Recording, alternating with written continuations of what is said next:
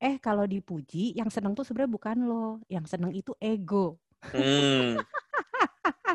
Terus sama ketika dikritik, yang sakit hati itu sebenarnya bukan lo, yang Ego. sakit hati itu ego.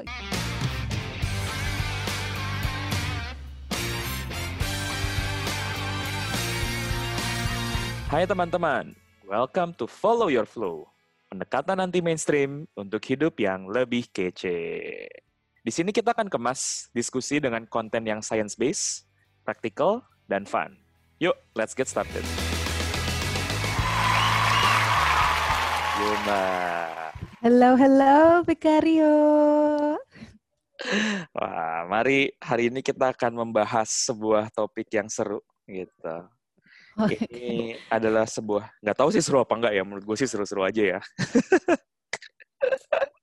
Kita coba, kita coba, kita, kita coba, kita coba, kita mencoba format baru. Jadi um, ini gue dapet nih sebuah potongan lah dari Hmm. newsletternya James Clear ya.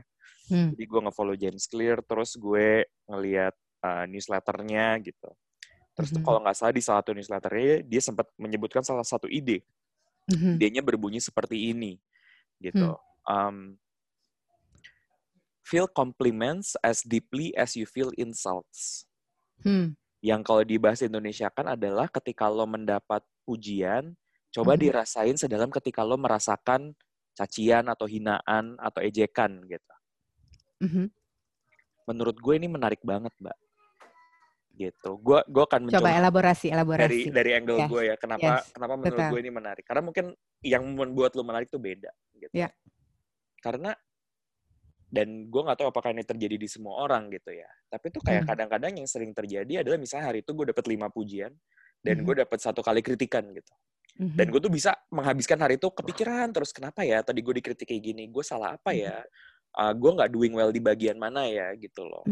Dan itu tuh akhirnya membuat gue sebenarnya itu ada plus and minusnya. Plusnya adalah gue jadi bener-bener hyper fokus untuk ngebenerin apa yang gue not good at.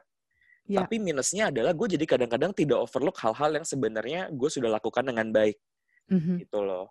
Dan pernah ada fase di hidup gue di mana ketika gue dipuji gitu, misalnya kayak, eh Vic lo misalnya jago banget deh ngomongnya misalnya kayak gitu. Terus gue kayak, ah nggak biasa aja gitu. Mhm. Deh, gue waktu itu akhirnya setelah gue kayak merefleksikan, kayak gue nggak boleh tuh kayak gitu gitu loh. Mhm. Kayak ketika gue dipuji ya udah, iya iya aja gitu kan. Ya. Biarpun kadang-kadang tuh ketika gue dipuji sesuatu, biarpun gue bilang kayak thank you, gue tuh kadang-kadang mempertanyakan emangnya bener ya gue bagus di situ ya kayak gitu. Mhm. So jadi kayak gue ngerasa bahwa gue take criticism tuh lebih harsh daripada gue menerima pujian Mhm. gitu. Dan ketika gue ngebaca eh, ngebaca kayak potongan kayak kalimat pendek ini gue diingatkan gitu loh. Mungkin gue perlu mengconsider cara gue nge-treat pujian sih. Mhm. Atau mungkin juga mengconsider cara gue nge-treat eh, kritik. Criticism, ya. Exactly. Ini ini seru karena menurut gue satu trigger kalimat itu bisa mengingatkan gue terhadap banyak sekali hal. Uh, dan dan benar satu kalau ngelihat dan kayak yang lo bilang tadi highlightnya misalnya nggak usah lima pujian deh Vic bisa aja kayak 100 hal hari ini 100 lo dipuji 99 hal tapi Hmm. lo dikritik satu hal gue yakin semua orang semua orang semua orang reaksi pertamanya adalah fokus ke satu hal itu gitu Hmm. kan itu natural banget karena memang otak kita itu kan punya bias to negativity Hmm. gitu jadi naturally otak kita memang akan punya bias ngelihat yang negatif duluan and dwell on it gitu jadi itu normal kan. Nah, ma- makanya butuh butuh that self awareness kan untuk ngeliat oh wow aku tuh ternyata fokusnya ke satu hal ini Eh, oke mau berapa lama gue mau fokus ke hal ini Hmm. kan yang Hmm. menarik eh, weekend kemarin gue baru nonton eh, dokumenter di Netflix eh, tentang prinsip-prinsip coach-coachnya sports sports coach jadi ada seorang sports coach gitu. Jadi dia bilang ketika gue ngelatih uh, orang-orang atlet-atlet profesional ini, ini kan semua orang-orang yang sangat ambisius banget, ya kan? Ambisius dan ambisius artinya apa? Ketika mereka menerima kekalahan itu memang down banget. Kekalahan tuh seperti seperti apa ya akhir duniawi. Padahal Hmm. mereka tahu untuk menjadi champions itu akan melalui beberapa kekalahan. Hmm. Mereka Hmm. tahu, tapi begitu mela- melampaui kekalahan, begitu kalah, itu Hmm. beneran downnya gila-gilaan. Hmm. Dan coach ini juga cerita waktu zamannya dia competing waktu dia muda, dia pun melakukan hal yang sama sampai akhirnya dia depresi berbulan-bulan karena tidak bisa memproses kekalahan tersebut. Jadi akhirnya dia bikin satu rule di timnya. Ya, dia bilangnya adalah the 24 hour rule. Eh, apa? peraturan 24 jam. Dan ini menariknya, dia Hmm. bilang gini, lo mau menang atau lo mau kalah, lo cuma punya waktu 24 jam Ah, merasakan itu semua. Itu gue suka karena nggak pilih kasih tuh. Jadi lo- wow. kalau lo menang, lo boleh bask, duel, merayakan, happy, loncat-loncat, girang-girang segala macam. Terserah you do you, tapi 24 jam. Habis itu selesai, and then we Hmm. move on. Sama kalau lo kalah, lo boleh pity party, sedih, nangis, kesel, curhat ke orang, Hmm. marah-marah, tantrum, tapi tetap 24 jam. Habis itu kita move on gitu. Jadi Hmm. cerita lo bagi gue tuh kece banget karena sering kali kita ngelihat either pujian itu lebih baik dari hina atau dari atau praise itu lebih baik dari criticism atau sebaliknya sebaliknya criticism lebih baik dari pujian padahal sebenarnya dua-duanya ya data dua-duanya Hmm. sama-sama emosi hanya kecenderungan kita manusia melihat satu lebih baik dari yang lain aja Hmm. Benar, benar, benar, benar, benar, benar, benar. Oh, that's actually a very good rule ya. Kayak rule of 24. such a great rule. I Benar. know. Jadi itu jadi kayak kemarin misalnya kapan kapan Hmm. kapan waktu sampai sekarang tentunya masih ada momen-momen yang nge-trigger gue kan, of Hmm. course gitu. Hmm. Jadi kadang beberapa trigger gue bisa sejam berlalu, ya kan? Tapi ada juga trigger yang kayak keesokannya aku masih di pikiran gue Hmm. juga kan. Padahal gue gini, oh gue tahu trigger itu hanya tanda kalau gue sakit hati atau nggak ada itu tanda bahwa ada sesuatu dalam diri gue yang masih butuh healing lah ya gitu Hmm. ya. Tapi mendengar rule 24 hour ini menarik. Jadi kalau lebih 24 jam gini, yo nggak perlu pikirin mulu, udah move on, move on. What's next? What's next gitu kan? Actionnya apa? Gitu. Hmm, ya, ya, ya, ya, ya, ya. Bener sih, bener sih. Mungkin kalau di kasus gue, kayak gue agak lebih memberatkan ke criticism. Mungkin untuk kasus orang-orang tertentu bakal lebih beratnya ke pujian gitu kan. Yang diingetnya pujian, Ya. terus gak pernah ingat kalau misalnya dia pernah dikritik tertentu Yes. gitu kan. Ya. Ya, wow. Ya, dan dan Hmm. sangat mengglorikan pujian sampai yang dicari itu pujian. Hmm, Jadi melakukan sesuatu karena eh, apa mencari sebuah pujian gitu. Dan sering kali memang nggak sadar aja sih Fik kayak em, mungkin zaman-zaman gue awal-awal karir gue masih apa ya kebutuhan untuk dipuji itu masih tinggi. Hmm, gitu. Hmm. karena ya acknowledgement enak ya rasanya tuh kayak berbunga-bunga. Itu kan iya. enak banget gitu. Banget. Tapi yang gue realize karena gue banyak kebutuhan ingin dipuji oh hai ada ada anakku. Halo, halo Bo. Mohon maaf saudara-saudara. Tidak apa-apa. Kalau Bo mau ikut juga Lagi boleh. bermain. Ah, ah, Bo mau ikutan oh terus Bo pergi lagi dadah Bo yes oh ya tadi gue ngomong apa oh awal-awal karir kebutuhan Hmm. untuk dipuji itu tinggi Hmm, Tapi hmm. karena gue sadarnya mungkin ini berbanding lurus, Fik. Mungkin ini hipotesa. Karena kebutuhan gue dipuji itu tinggi, ketika dikritik gue lebih down. Nah, benar, benar, benar, benar. Gitu. Jadi akhirnya gini, Hmm. oh, tapi begitu gue ngeliat, terus gue lupa kapan gitu, gue pernah ngebaca juga bilang, eh kalau dipuji, yang seneng tuh sebenarnya bukan lo, yang seneng itu ego. Hmm, Terus sama ketika dikritik, yang sakit hati itu sebenarnya bukan lo, yang ego. sakit hati itu ego, gitu kan. Jadi Hmm, begitu gue bisa bukan bisa mulai melihat dari perspektif yang itu pujian hmm. kece banget jadi gue sadar kan kita tahu lah rasanya berbunga-bunga oh iya wah seneng banget gue aja sekarang lebih intentional untuk bilang bahwa bukan aduh gue seneng banget dipuji tapi bilang bahwa duh ego gue lagi seneng banget dipuji gitu Iya, iya, iya, iya, iya. Hmm, bener sih. Dan menurut gue kayak gue gue gue juga bisa relate ke situ. Tadi terutama ketika lo bilang bahwa kadang-kadang nih ketika kita keseringan menerima pujian gitu kan, akhirnya kita jadi clouded juga ketika kita melakukan sesuatu tuh karena kita believe in that apa gara-gara kita senang dipujinya gitu. Iya.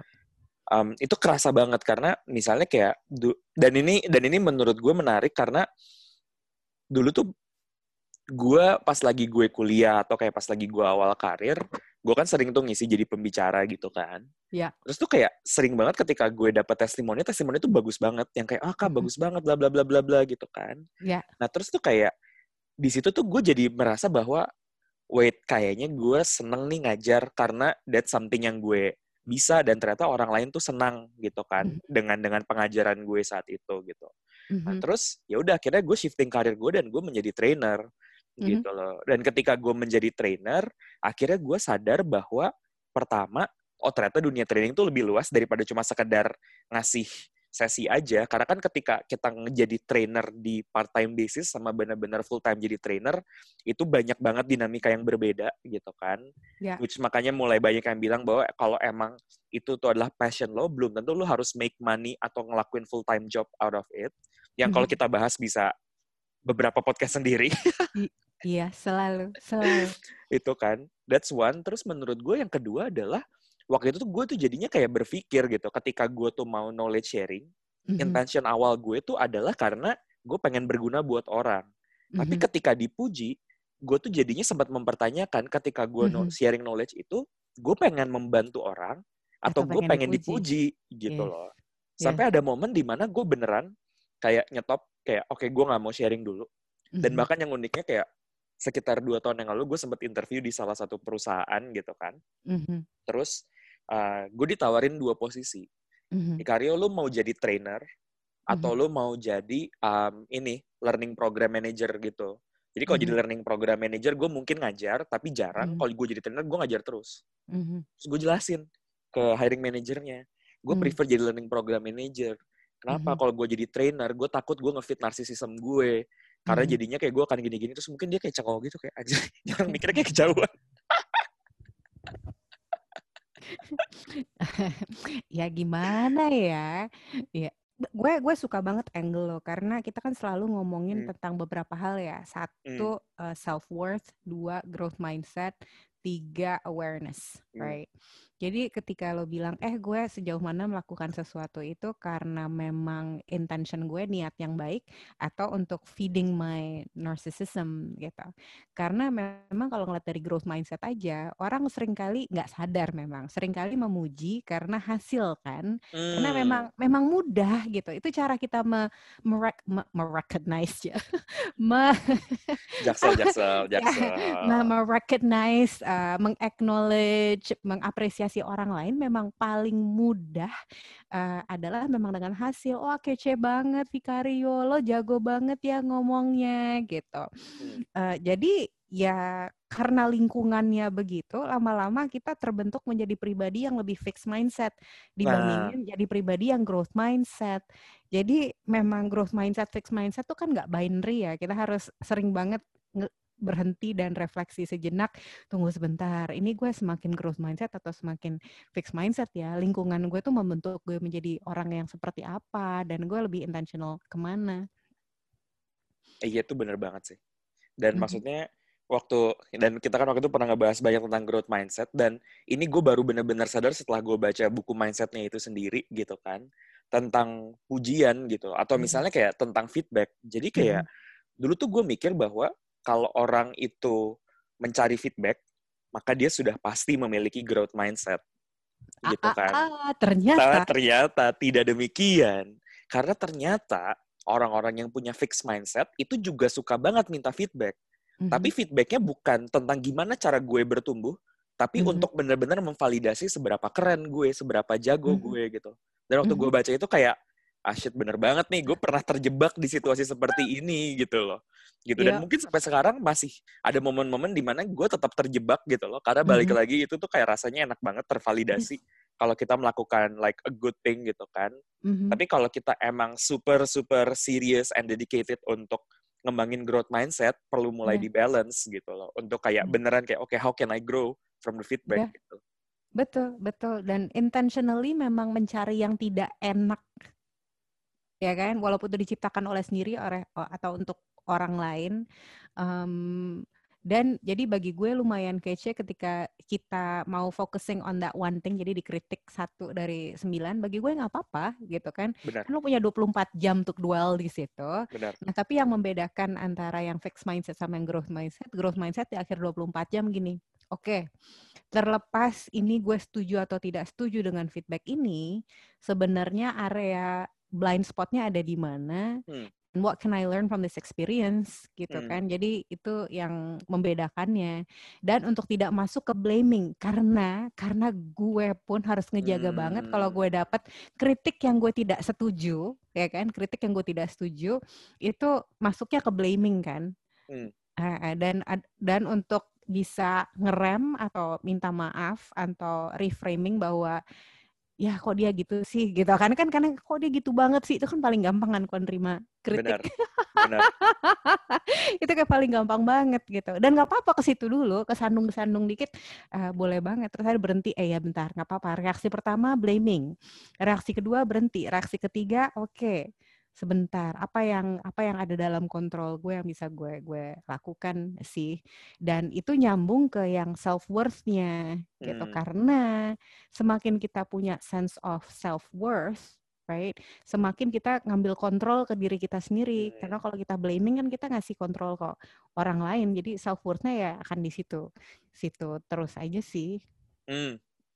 ya ya ya ya dan tadi menurut gue menarik karena ada ada hal yang yang menarik yang lo sebutkan tentang kayak level satu tuh adalah blaming gitu kan kita langsung kayak yeah. nggak nggak kayak gitu gitu loh dan for some for for for some time gue merasa bahwa banyak banget momen-momen feedback yang gue saksikan gitu loh itu terjadinya seperti itu gitu kayak ketika hmm. kita dikasih feedback mungkin gue ada yang ngasih feedback ke gue terus kayak reaksi gue antara visibly saying kayak that's not true atau misalnya di dalam hati gue mikir kayaknya itu nggak bener gitu kan padahal yeah. sebenarnya itu adalah sebuah apa ya sebuah momen yang di mana kalau gue ngubah attitude gue yang kayak dengerin dulu terus kayak pikir bentar kalau ini bener what can I learn from this gitu kan Iya. Yeah.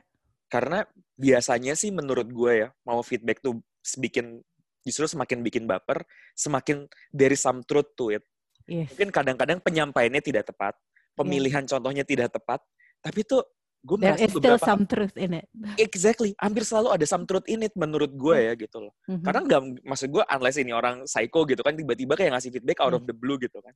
Mm-hmm. Jadi kayak dari some truth to it yang yeah. tinggal nanti kita benar-benar belajar untuk berpikir ini mau dibawa, mau mau mau kita faktorkan yeah. sebesar apa gitu kan. Yeah. Karena gue juga believe bahwa not all feedback is the same. Yes. Ada feedback yang tingkat kebenaran atau misalnya mungkin derajat kepercayaannya besar, ada ya yang mungkin enggak karena orang yang ngasih feedback mungkin nggak tahu the entire story gitu. Betul, betul banget. Jadi kontekstualnya juga terjadi kan. Nah ini masuk yang ketiganya sambil mengasah awarenessnya. Seringkali kalau kalau dapat feedback karena emang nggak nyaman banget ataupun sangat nyaman. Jadi ini both praise and criticism. Kita cuma berhenti di yang hmm, oke, okay, oke, okay, thank you. Tapi nggak nanya lebih jauh. Jadi kalau misalnya orang bilang, wah gila, Vic, uh, tadi apa presentasi lo kece abis, lo jago banget ngomong. Terus lo berhenti dia, oh ya, thank you bro, gitu kan. Yeah. Nah, padahal sebenarnya kalau lo menggunakan itu data, lo kan nanya kan kayak, wah, thank you banget. Uh, boleh tahu nggak, menurut lo, yeah. ketika lo bilang kece tuh di mananya ya? Jadi that, that openness for curiosity itu terjadi di both, both positive and negative feedback. Eh, itu itu itu bener banget sih mbak. Menurut gue kadang-kadang kita terbiasa berhenti, mau itu hmm. positif mau itu negatif gitu kan. Yeah. Kalau positif mungkin berhenti kayak dan selesai okay, gitu kan. Ya, selesai yes, karena afirmasi kan, dapat validasi. Benar. Hmm. Sedangkan kalau jelek kayak, "Hah? Apa? Apa?" gitu kan. Padahal sebenarnya yeah. the follow up question tentang, "Oh, menarik." Ya, apa yang bikin lo mikir kayak begini gitu kan. Ya, gitu ya yes.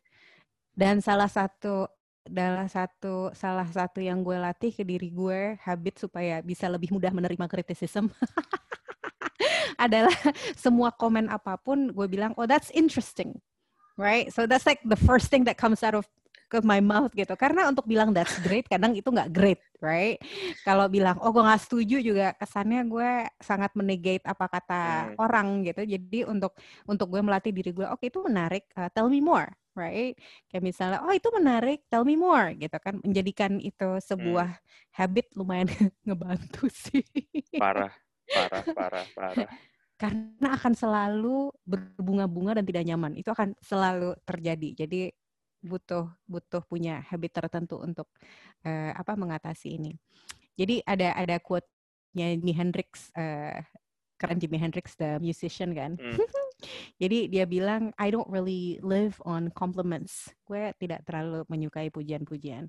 As a matter of fact, they are a way of distracting me. Jadi bagi dia Hmm. tuh distraction banget. Dia dia bilang, I know a lot of musicians, artists out there who hear their compliments and think, wow, kalau dipuji tuh berarti gue kece banget ya. Terus uh, mereka menjadi satisfied, terus get lost in it, dan akhirnya lupa sebenarnya what is the gift they are bringing to the world gitu kan jadi kekuatannya untuk untuk untuk untuk humanity itu apa resonate dengan yang lo bilang tadi kan bahwa eh intention gue tuh sebenarnya apa untukin dapetin validasi atau memang you know bring my gift into the world kalau Jimi Hendrix saja ngomong kayak gitu kelihatan ya tipe musisi seperti apa gila, gila, gila. Dia kepikiran sampai kayak gitu ya. kece Alright, Mbak. Thanks for the conversation today. Gitu. Banyak banget yang bisa kita ubah tentang cara kita menerima pujian dan kritikan. Iya. Yang mengena buat gue tadi si 24 hour rule. Terus Mhm. juga kayak gimana kita nge-treat both pujian dan kritikan itu sebagai data gitu kan. And the third thing adalah gimana kita bisa, dari data itu gimana kita bisa gain insight gitu loh. Kayak Yes. berarti apa yang perlu gue lakukan lebih baik lagi dan apa yang perlu gue keep doing. Yes, dan satu yang lo highlight adalah selalu kembali ke intentionnya, Exactly. right? Uh, intention lo emang pengen kelihatan keren, kece, dapat validasi, atau memang pengen belajar. Always so awesome. Yay. Thank you, Thank you. Yep. Bye. Bye-bye.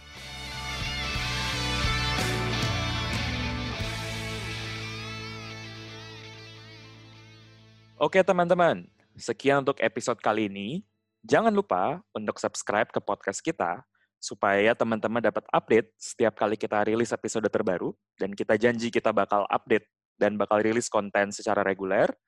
Dan juga jangan lupa untuk share ke teman-teman lo kalau lo ngerasa bahwa ini juga bisa berguna buat orang lain. See you next time.